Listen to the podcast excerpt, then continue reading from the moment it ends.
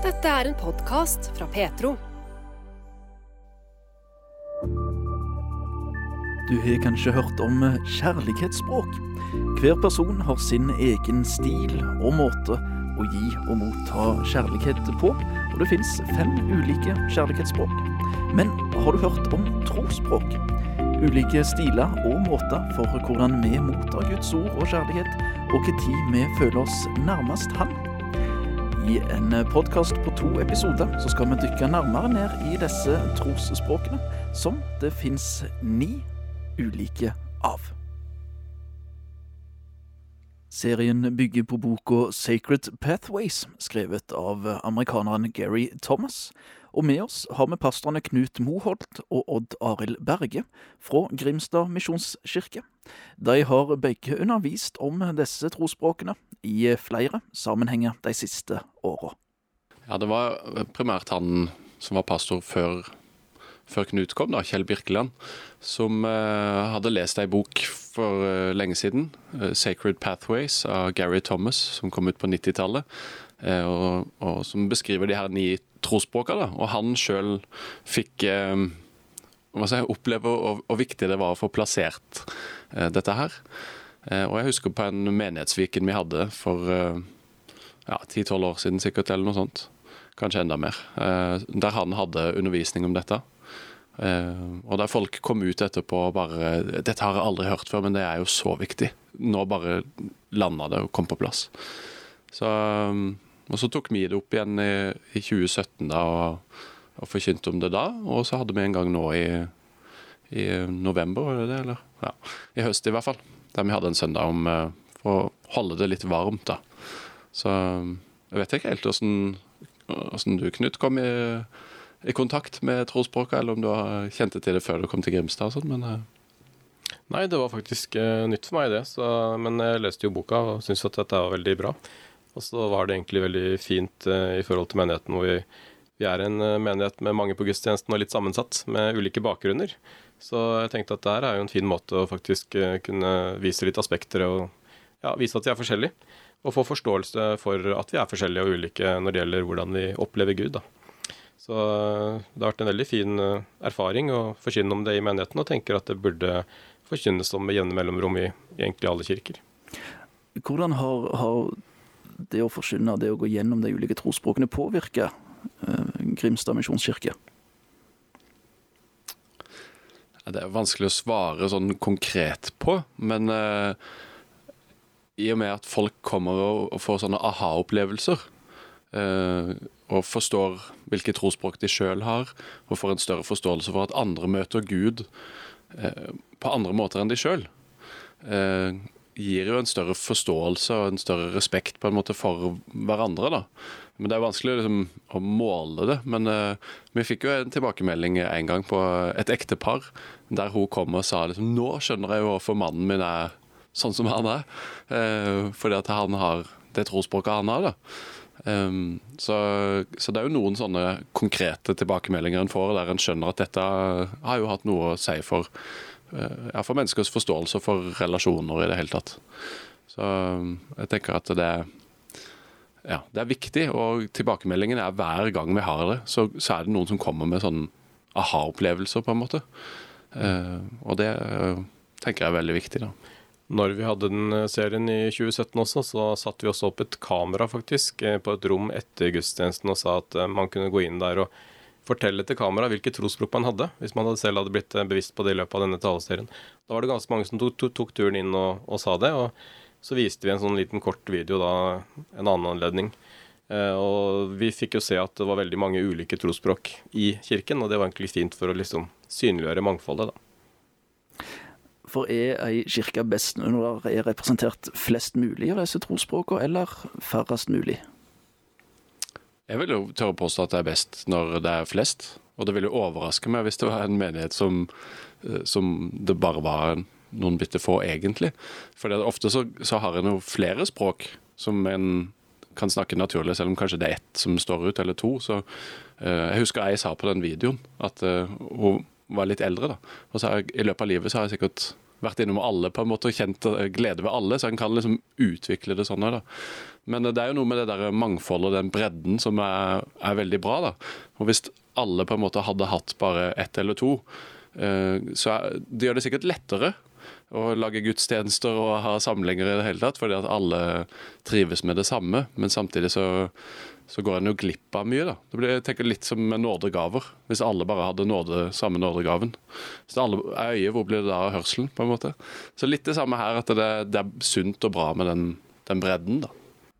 Det sa Odd Arild Berge, pastor i Grimstad misjonskirke, som sammen med medpastor Knut Moholt vil lede oss gjennom de ni trosspråkene. Og Det første trosspråket vi skal få høre mer om, har navnet asketen, om å elske Gud i ensomhet og enkelhet. Som eksempel så kan vi nevne døyperen Johannes. Det forteller Knut Moholt. Som da trakk ut i ørkenen og levde av gresshopper og villhonning og kledde seg med en kappe av kameler og lærbelte. Så eh, det å egentlig velge å kanskje gjøre livet litt eh, enklere enn det som kanskje mange av oss eh, lever i dag, det er viktig for asketen. Når det kommer til, til enkelhet og roe litt ned og, og tenke sparsommelig, så, så er det gjerne fort eh, munkeorden, klosterom, som, som er det første han tenker på.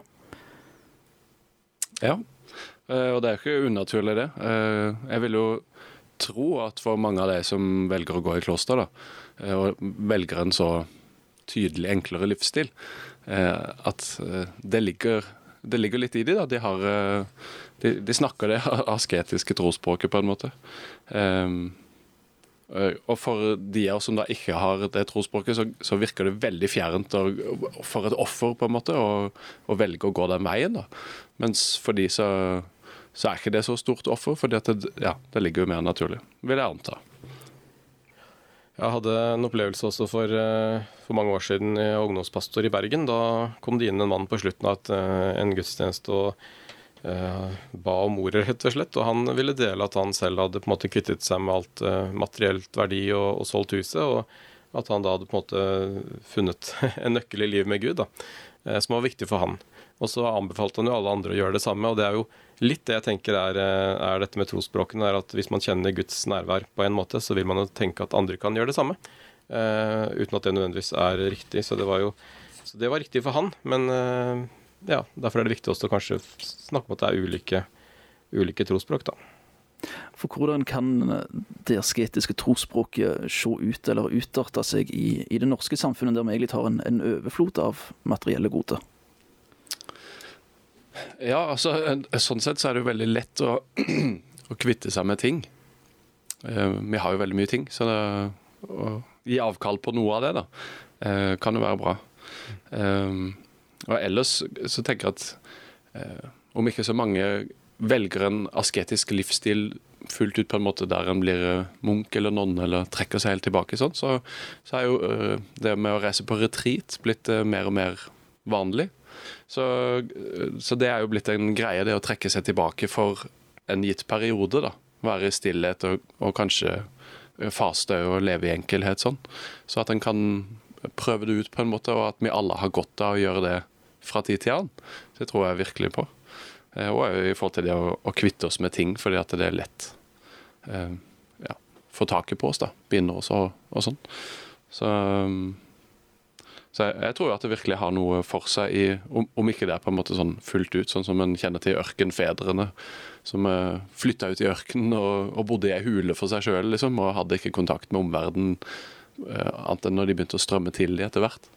Så, så jeg tenker at uh, i vårt samfunn og i, i, den hektiske hverdagen vi har, og med, med, så mye fokus på det materielle, så det å, å selge og kvitte seg med, med ting, da, som enten som som binder en, og som betyr for mye for en, eller som en ikke har bruk for egentlig. Eh, og, og avstå fra å kjøpe ting som en ikke har bruk for, ikke minst. Det er jo veldig, veldig bra sånn, da. Det er jo mye positivt med, med alle disse her uh, trosspråkene, og noe mye positivt innenfor det med, med den asketiske uh, trosspråket. Men alt som har noe positivt med seg, har som regel òg noe negativt. Noe grøfter som en, en, kan gå i. Hvilke grøfter er det som, som hører til dette trosspråket? Ja, eh, det er jo et eh, godt spørsmål. Og eh, jeg tenker jo også at det som er fint med Jesus, er at han hadde jo alle trosspråkene på en måte i seg. og I asketen viste han jo bl.a. når han gikk ut i ørkenen og fasta i 40 dager og 40 netter.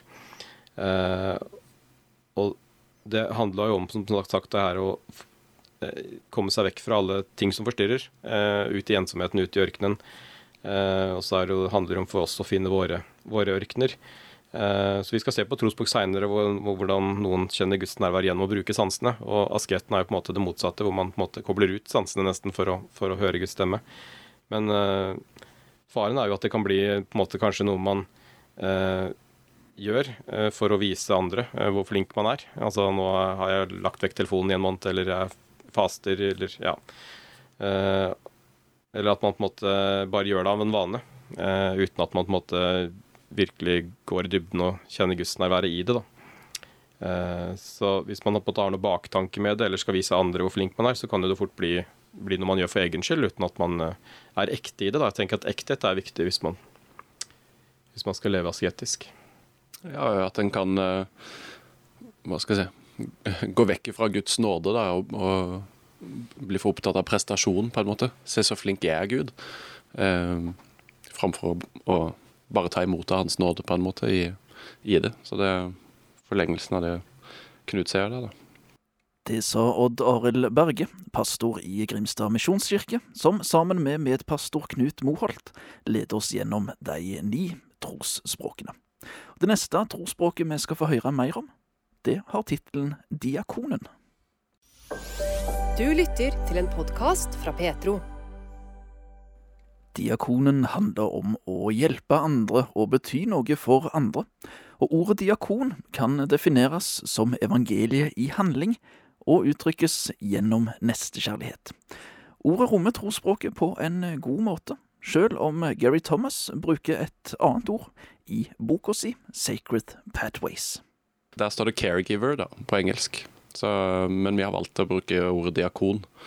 Um, ja, og det, det, handler jo da om å, å, hjelpe andre, bety noe for andre, bry seg om andre. Så det, I det doble kjærlighetsbudet der det handler om å elske Gud og elske sin neste, så er jo de virkelig på dette med å elske sin neste, da, som er det, det framtredende.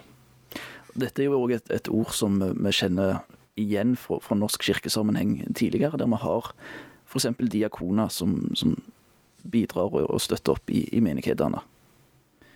Er det sånn at, at de som har dette trosspråket, ofte ender opp som diakon eller uh, hjelpere, bidragsytere i menigheter? Ja, absolutt. Og mange som akkurat ender opp som diakon, det vet jeg ikke. Vi har et, noen frivillige diakoner eh, i vår menighet som, som driver med har et, eh, et, sånn matutdelings... Ja, noe som heter Rasteplassen. da. Det er Gratis matutdeling hver tirsdag og hjelper utrolig mange hver uke. Eh, så det er klart de som, som kjenner på dette, her har jo lett for å engasjere seg i den type arbeid. da. Vi har en frivillig diakon i, i, menigheten som har vært med å etablere et arbeid som heter Til stede, som er sånn hjelpearbeid i byen. Der en får inn behov fra mennesker som trenger hjelp i haven med å rake løv, eller eh, øvelseskjøring eller leksehjelp, eller hva det skulle være. Og så er det andre som har sagt at ja, men jeg kan være med og dekke noen behov av og til. Eh, og det er klart at, at ja, de som, eh, som har snakker diakonalt trosspråk, har jo lettere for å kjenne på at å, dette gir meg så mye. Det er, dette er jo det som er virkelig å tjene Gud. Da. Han frivillige diakonen vår, Magnus Gelein, han pleier å si det, at det, det handler jo om å vaske føtter. Sånn som Jesus vaska disiplenes føtter. Det er det det vil si å være en etterfølger av Jesus. og Det som er et viktig poeng her, da, at, at selv om det finnes ulike trosspråk, så, så, er det jo ikke sånn at ja, det er bare de med et diakonalt trosspråk som, som, skal utføre diakoni og være gode mot andre og hjelpe andre. Det skal jo alle kristne gjøre. Det er jo noe av det som, som er å følge etter Jesus, og som han har eh, sagt at vi skal gjøre. Så en må ikke liksom heller Nei, det, det trenger ikke jeg å bry meg om. Men det er, det er, hva som ligger naturlig for en, hva som en kjenner at virkelig gir en noe, da. Som, som kan være forskjellig. Så ja. For, på hvilken måte blir det diakonale trosspråket stort sett på en måte kanskje opplevd av den som har det, eller uttrykt av, av den som har et diakonalt trosspråk. Du har jo nevnt et, et par ting der med eksempler fra, fra personer i, i, menigheten deres. Men hva er på en måte det, det grunnleggende opplevelsen, eller grunnleggende uttrykket av dette trosspråket? Jeg tenker jo det at eh, De som har et diakonalt trosspråk, de vil ikke trives kanskje i en menighet som blir for eh, innadvendt, og som bare på en måte handler om eh, å se inn. De vil kanskje ofte se ut og tenke hva, hva betyr vi for de som ikke er, går i kirken, eller de som er ute i byen, eller de som trenger hjelp. Og, eller ofte kanskje også sette fokus på nøden. Da. Og Det trenger jo ikke bare være i Norge, men de kan jo kanskje også brenne for at man skal hjelpe i fattige land, eller der det er krig eller utfordringer. Så jeg vil tippe at mange diakoner også nå har jo på en måte kommet på banen i forbindelse med at det har kommet en del flyktninger fra, fra Ukraina til Norge det siste året. Eh, og mange har jo stilt opp for disse med både klær og bosted og mange andre måter. Og der ser man nok mange diakoner som eh, kjenner at her skal vi eh, gå inn og gjøre noe. Så det å dekke behov som de ser dukker opp, og ja, hjelpe de som trenger det, det altså Mor Therese er jo et godt eksempel på en som viet livet sitt til å hjelpe fattige. Og typisk diakon, tenker jeg. Og med det diakonale trosspråket, så, så er det noen fallgrøfter på, på sida som en, en, kan ende opp i. Eh, hva er typiske grøfter for, for diakonen å, å, sette seg fast i? Det er, det er nok det som er egentlig kanskje de fleste trosspråk, at en, en, en kan fort si, se ned på andre, da. Og, og, kanskje bli litt sånn ovenpå og tenke at alle burde vært som meg. Eh, hvorfor gjør ikke alle sånn, eller hvorfor kjenner ikke alle glede ved det? da? Og Det er for så vidt ikke unikt for, for diakonen, som jeg sa, men det er nok kanskje en, en enda større fallgruve for deg. fordi at eh, eh Hvis en tenker på det doble kjærlighetsbudet, da, så elsker de Gud eh, gjennom å elske sin neste. Mens for en annen som på en måte har et, et trosspråk der en kanskje med sånn typisk 'elsker Gud', da, la oss si at det er gjennom å synge lovsang, så, så kan en kanskje tenke at nei, det er, ikke, det er, jo ikke verdt noe, det, på en måte. En må jo bety noe for, for andre mennesker. da. Så at en, en kan ja, se ned på noen andre. Uh.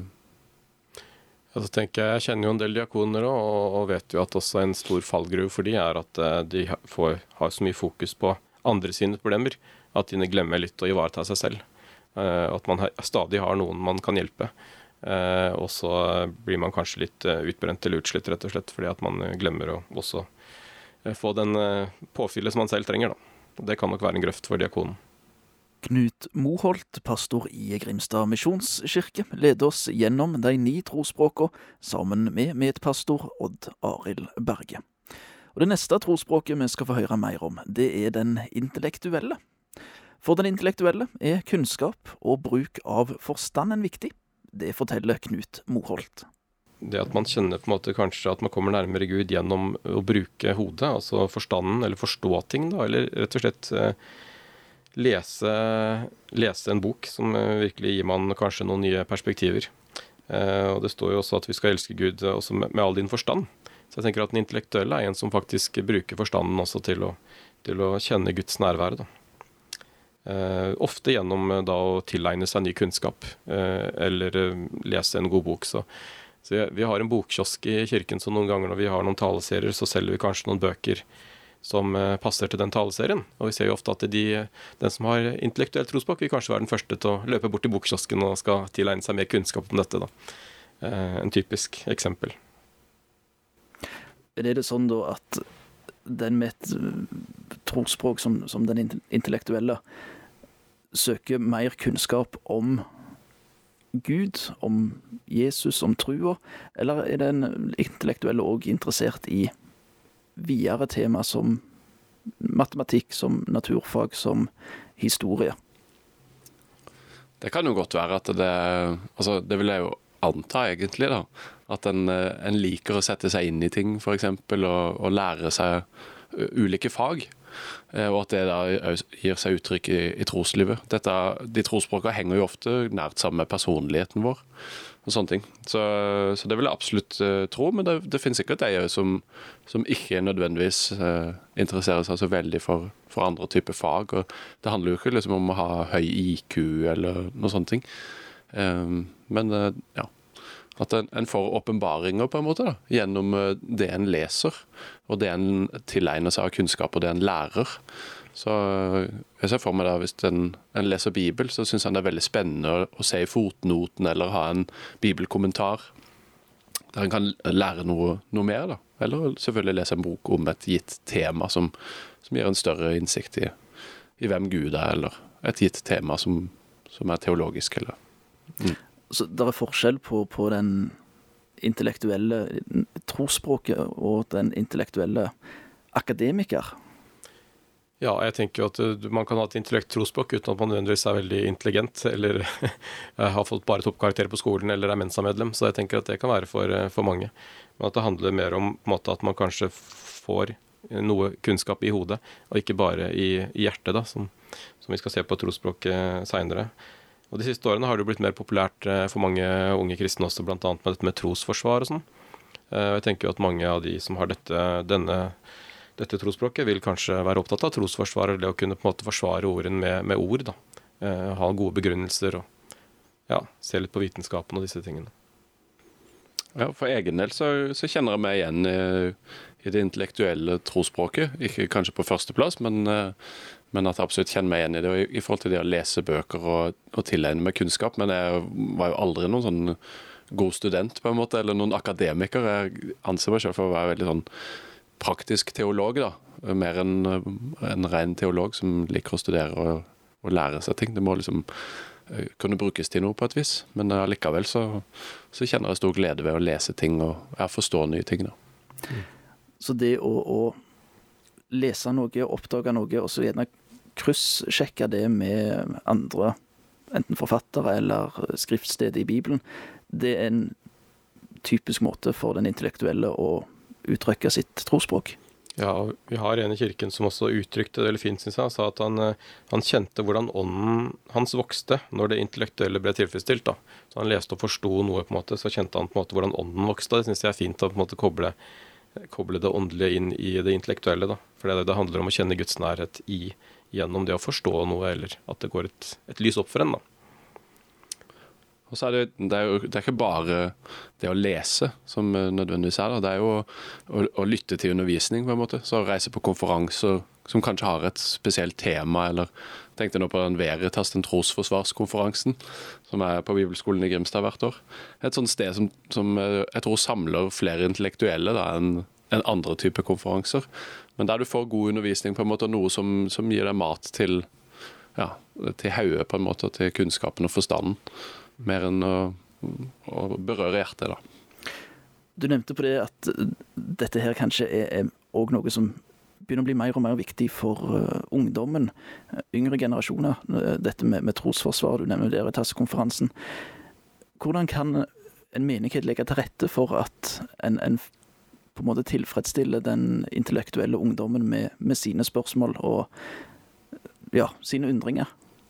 Nå har jo Eh, laget, da, som jo er involvert i, i Veritas, vel. Dette som heter Grillen kristen, f.eks. Og det har vi kjørt i vår menighet mange ganger. Vi har kalt det litt forskjellige ting, da, men der ungdommene får muligheten til å stille spørsmål eh, som de går og lurer på. Og da er det jo ofte ja, eh, sånne type trosforsvarsspørsmål, på en måte, som en, en, kan møte der. Så det er jo en måte å, å la de stille de spørsmålene de har, da, og at det er åpent for det. Og så er det selvfølgelig å, å undervise og forkynne om, om sånne ting. Uh, det er, ja, finnes jo mange forskjellige måter. Så tenker jeg at i, i forkynnelsen uh, generelt, så er det viktig å tale på en sånn måte at en, en snakker både til, til hodet og til hjertet. Fordi at det er så ulike mennesker som sitter og lytter. Og at uh, om ikke alle, så iallfall flest mulig, da, målet er jo selvfølgelig alle, men skal sitte igjen med noe og få noe, på en måte, når, eh, når de lytter til, til forkynnelse og undervisning. Så ja. Og så er det jo selvfølgelig å, å kunne undervise mer eh, Ha noen temaer, på en måte. Vi har hatt noe som vi har kalt dypdykk noen ganger, der en går gjennom en bibelbok og dykker litt dypere ned. og Det er jo sånn som de som er intellektuelle, trives med. Og det kan en jo gjøre med type trosforsvars... Uh, ja, eller apologetikk. da, Og sette opp noen sånne temakvelder, på en måte. Mm. Og ved dette trosspråket som de andre, så, så, er det jo disse grøftene som vi òg skal ta med. Det er vel kanskje her òg som med, med, de to foregående, at det, mitt trosspråk er det beste. Alle skulle ha uttrykt seg på min måte. Men, men hva, hva grøfte er det for den intellektuelle?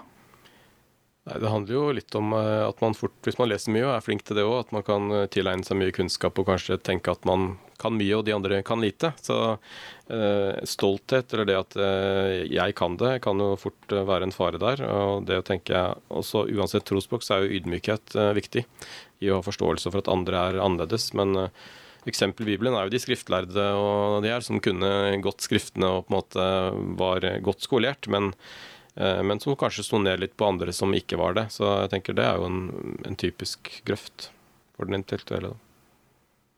Ja, og at det, det, blir bare kunnskap uten gjerninger. på en måte. I stad hadde vi jo diakonen som er veldig opptatt av å hjelpe andre. og Hvis den bare er opptatt av å fòre på en måte det intellektuelle og få mer kunnskap og lære mer og sånn, men neglisjerer det å, å, hjelpe noen da, og, og, leve ut troslivet sitt, så, så, fyller en på en måte bare på en tank. Og så, og så, så det å ja, uh, ha gjerninger på en måte som, uh, som, følger troen, er jo viktig. At det kan bli for mye teori da, og for lite praksis på en måte hvis en bare er opptatt av å fylle det intellektuelle. Så er det i tillegg dette med uh, diskusjoner, da. Paulus jo det Timoteus bl.a. Tåpelige diskusjoner som ingen lærer noe av, skal du avvise, for du vet at de skal på strid. Det, er jo fort gjort at en kan eh, drive og diskutere mye på temaer som er veldig snevre, eller eh, ja, som egentlig kanskje ikke har så mye å si for, eh, for troslivet vårt. da, og, og bruker mye tid på noe som, som ikke er så viktig. Det sa Odd Arild Berge, pastor i Grimstad misjonskirke. Det neste trosspråket vi skal høre mer om, det er entusiasten, som elsker Gud gjennom feiring og det mystiske. I forhold til de tidligere trosspråkene vi har hørt om, er følelse en større del av dette trosspråket. Det forteller Knut Moholt, pastor i Grimstad misjonskirke. Vi elsker Gud gjennom eh, feiring og det mystiske, eller det overnaturlige, da.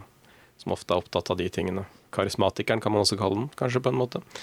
Men uh, det er litt, uh, litt amen og hallelujastemning ofte som skal til. Uh, og jeg tenker det at det er jo Det er klart at vi snakka i stad om at det er jo Du kan ha mange av trosspråkene i, i, en menighet og en kirke, men det er klart at også hva slags kirke man er, og, og hvilken kirkeretning man tilhører, vil også kanskje samle mange da, med litt det samme trosspråket. Så jeg tenker, Entusiasten er vel typisk en man kan finne i litt eh, trosmenigheter, eller en pinsemenighet, eller de som som tar eh, nådegavene på alvor, og man på en måte kan eh, leve ut og la seg på en måte rive med, og kanskje rope et lite amen eller halleluja eh, i talen. Ser jeg for meg. Eh, det, er, det, handler om begeistring også, eh, og hjerte, da. Så jeg tenker at eh, entusiasten er jo motsetning kanskje til den intellektuelle, som, hvor det handler om hodet og forstanden. Mens entusiasten da handler det om det å la hjertet bli berørt, da. og, og ja, mye følelser, kanskje mer enn en eh, det, det, intellektuelle. Ja, jeg, tenkte på det nå. Eh, det har jeg hørt eh, noen ganger, altså Vår menighet er jo veldig sammensatt. Vi har noen som absolutt er veldig entusiastiske og liker å rekke hendene i været f.eks. når en synger lovsang. Og da har jeg hørt i samtaler med forskjellige at nei, det å rekke hendene i været for meg, det er jo helt utenkelig, på en måte. Det, ja, det skjønner de på en måte ikke noe av og syns er et veldig stort steg. og så tror jeg nok at en del, eller vet at en del da kjenner på en sånn uh, mindreverdighetsfølelse. Som jo er en sånn grøft å gå i. Jeg burde jo sikkert ha vært sånn som de andre. Og det tenker jeg det det er et utgangspunkt for det her trosspråket som jeg tenker er viktig det er å, å, ha med. At en, det ene er at en kan på en måte være stolt og føle seg bedre enn andre, men det andre er jo det helt motsatte. At jeg burde jo ha vært sånn. Og Hvis du kommer inn i en menighet der alle rekker hendene i været, og det kjennes veldig klamt og rart ut, så gjør du det kanskje uten å ville det, eller så gjør du det, og så sitter han og kjenner på at eh, det er noe galt med meg, på en måte. Eh, og det er det jo ikke. En bare har ulike måter å uttrykke seg på. da. Så Sånn som for, eh, for den intellektuelle som i stad, så tenker jeg det kan være en sånn typisk grøft. At jeg burde jo ha vært mer sånn eller sånn eller sånn. Eh, og at ja, en entusiast er jo en som kanskje er fort gjort å få øye på, da. Særlig i en sånn gudstjeneste- eller møtesammenheng. Eh, så, så, så, der det er mye følelser og, uh, i det hele tatt. Så kan det være lett å tenke at sånn, sånn burde det ha vært. Så den, den, entusiastiske er kanskje den som er hakk hakket gladere enn en resten av menigheten på søndag formiddag. Som uh, gjerne sitter lengst fremst i eh, møtesalen og første til å reise seg på, på sangene. Eh, siste til å sette seg ned igjen etter at musikken er stoppa. Absolutt, og som helst eh, hadde sett at lovsangen varte mye lenger. Hva skal vi med den der lange talen? Det er jo ikke noe viktig.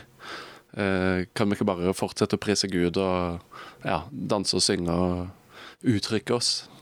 Sånn. Og det er selvfølgelig andre måter enn bare gjennom musikken osv., men det er kanskje det, det mest tydelige vi har da, i, i en tradisjonell gudstjenestesammenheng.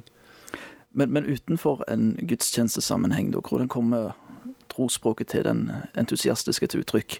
Vi har jo vært litt innom det på, på de tidligere trosspråkene her, med diakano, diakonen som vil mer ut og, og hjelpe og, og bidra, og den intellektuelle som, som søker kunnskap. Hvordan ser, ser hverdagen ut for eh, den entusiastiske? De er jo, vil jo ofte være veldig opptatt av hva, hva, hva gjør Gud eh, rundt meg, eller i, i nabolaget, eller hvor som helst. Kanskje, de ønsker jo på en måte de ferske vitnesbyrdene, og på en måte hva, hva, hva er det Jesus gjør i dag. Eh, og er jo ofte spontane òg, så det spontane kan, på en måte kan jo kanskje oppleve at det gir mer næring til troen enn hvis det er planlagt. Og jeg tenker mange av de vil sikkert også når de kjører bil til jobben, høre på lovsang i bilen, eller på en måte koble seg på. da. Eh, og, og ha et fokus på, på å møte Gud i hverdagen der de er. Eh, og jeg tror jo mange av entusiastene lett også vil ha mye fokus på Gud i, i det daglige utenom gudstjenesten òg. for de har forventning på en måte til, til at Gud skal kanskje gjøre noe i dag, da.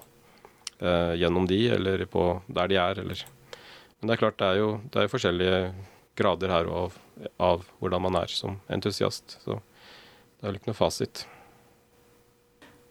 Så har vi jo òg her ved den entusiastiske noen grøfter som, som en kan gå i. Det er det. Uh, og jeg tenker jo en uh, veldig uh, tydelig grøft for de er at man kan bli for styrt av følelsene, rett og slett. Og kanskje også være så styrt av et ønske om at Gud skal gjøre noe, eller at man ønsker å høre fra Gud. og at det kan bli kanskje vanskelig fordi noen ganger skillene er det, er det bare meg, eller er det, er det Gud, da.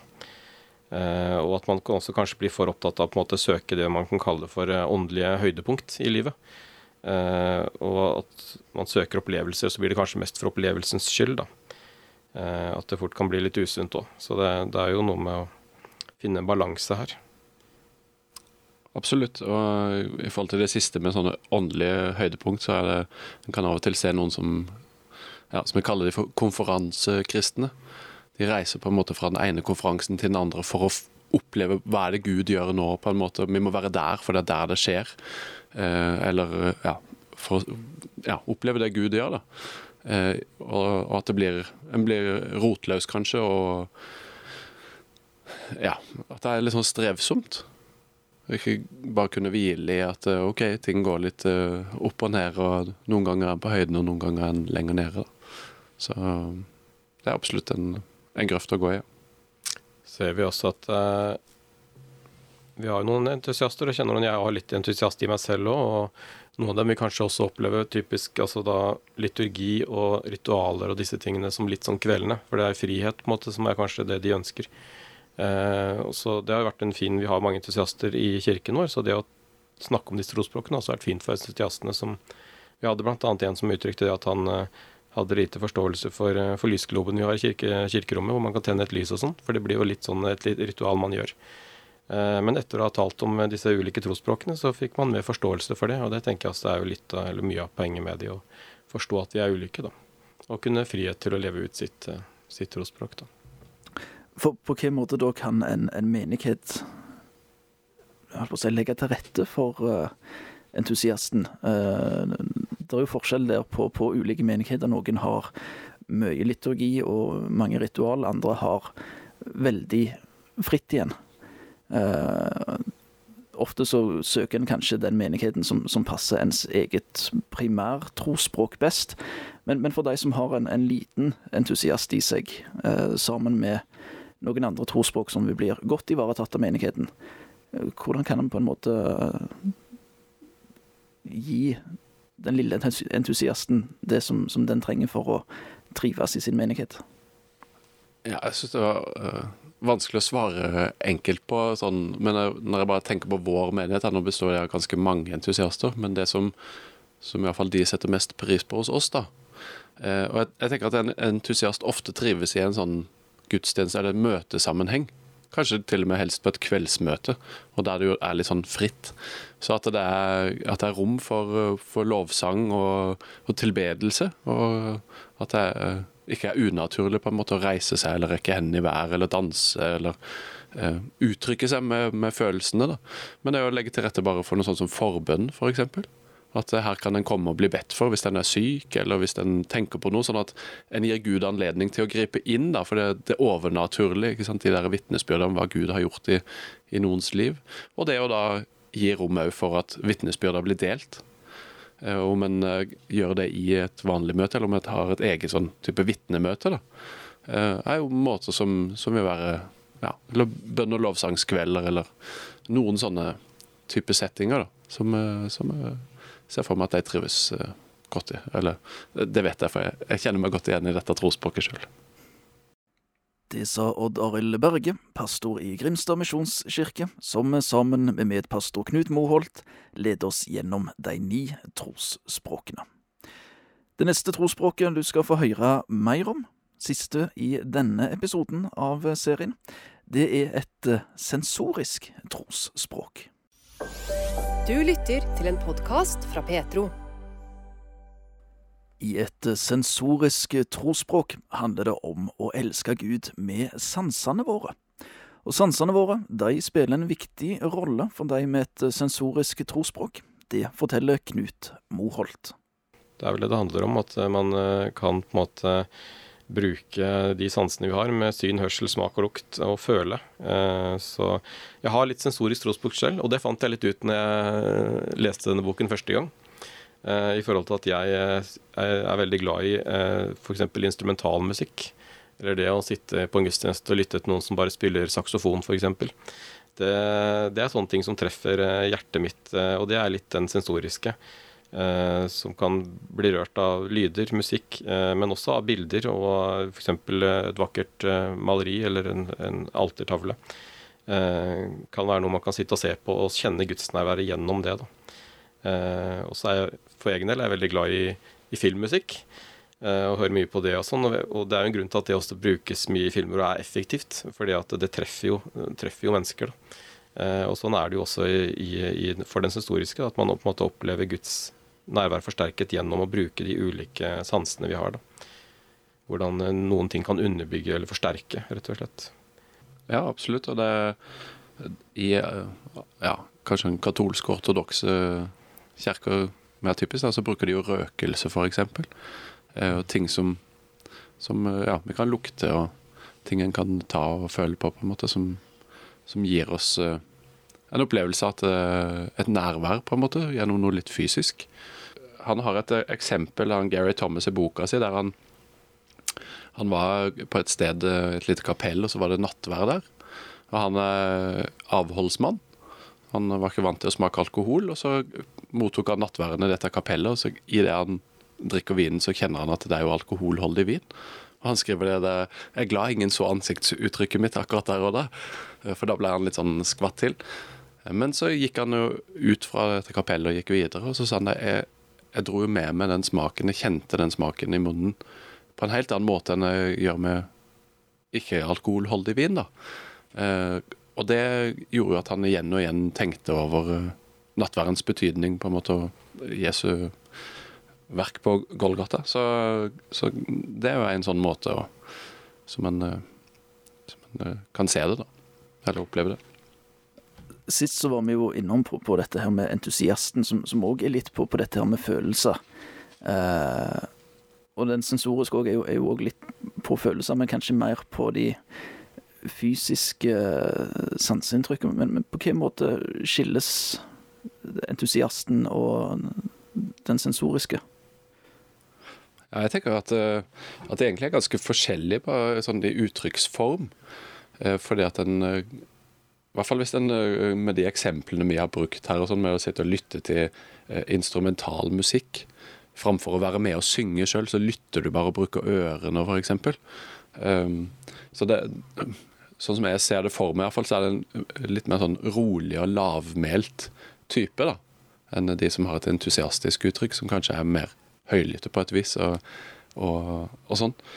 Um, så selv om det berører følelsene, så er det kanskje ikke eh, Det uttrykkes kanskje ikke like kraftfullt, eller hva skal jeg si, hos de som er sensoriske. Det er bare min tanke sånn. Jeg vet ikke om du tenker annerledes, Knut?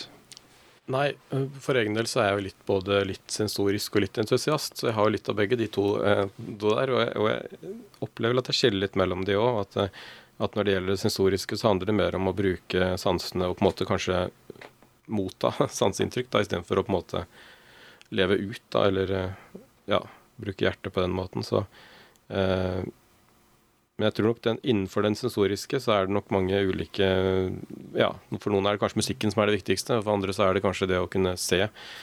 Eh, vi har jo noen eh, som har beklaget seg litt i vår kirke også, at vi har litt lite uh, ja, kunst og altepynt eller sånne ting i, i, kirken. Og det er klart at det er jo kanskje typisk de sensoriske som vil legge merke de tingene. Der har du jo mange i norske kirker som er veldig flott utsmykket og disse tingene, som da noen sikkert ikke helt skjønner poenget med, men for noen så betyr det, betyr det, ganske mye. Så jeg kan jo sitte også i, i en, en, kirke og se på alle mange disse maleriene på veggen og, og kjenne at det, det, gjør noe med meg. Så det er en viktig ting. Ja, det gir jo Gary Thomas et eksempel på. Der han, han var professor på Yale University i USA. Eh, og så var det en gang han så et maleri av Rembrandt om eh, den hjemkomne sønn. Og så rørte det veldig sterkt ved han bare ved å se på det bildet. Han begynte å grine når han så på det. Det, gjorde noe med han da. Eh, og den opplevelsen og det bildet på en måte, det førte til at han valgte å slutte i jobben sin som professor. Og så flytta han inn i et kollektiv med mennesker med, med funksjonshemming. Og så levde han der resten uh, av livet sitt. Eller det var ikke Gary Thomas, men det var Henry Noven. En uh, kjent mann. da. Så det kan jo få en til å til å gjøre ting ved å se på et bilde. på en måte da, Gud taler på den måten, og så, så blir det en bekreftelse for noe som en kanskje har gått og kjent på. eller for den uh, sensoriske som, som, er opptatt av uh, både det en kan se, det en kan høre, det en kan føle, det en kan lukte. Hva gruve eller grøfte er det for den å falle i, som, uh, som kan på en måte skade eller ødelegge relasjoner med, med sine trossøsken rundt seg. Ja, om det ødelegger eh, relasjonen, jeg ikke, men jeg tenker mest på kanskje egen relasjon i forhold til altså, Hvis man er opptatt av bilder og malerier og sånn, så kan jo man kan jo oppleve at uh, kanskje et bilde eller noe man er veldig glad i, kan bli en liten avgud, egentlig.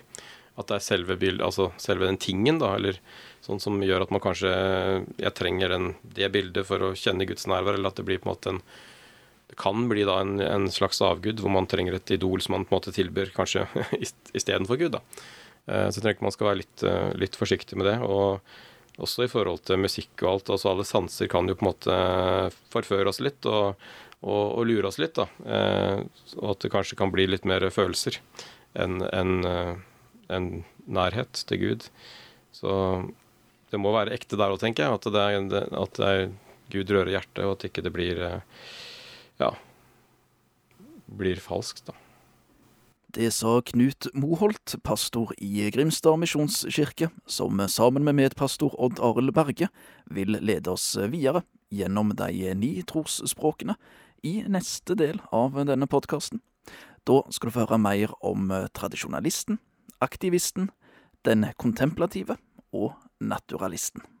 Du finner den der du lytter til podkast. Serien er produsert av Tollef Byrsedal. Du har lyttet til en podkast fra Petro. Du finner mer i Petro-appen, på petro.no, eller der du ellers lytter til podkaster.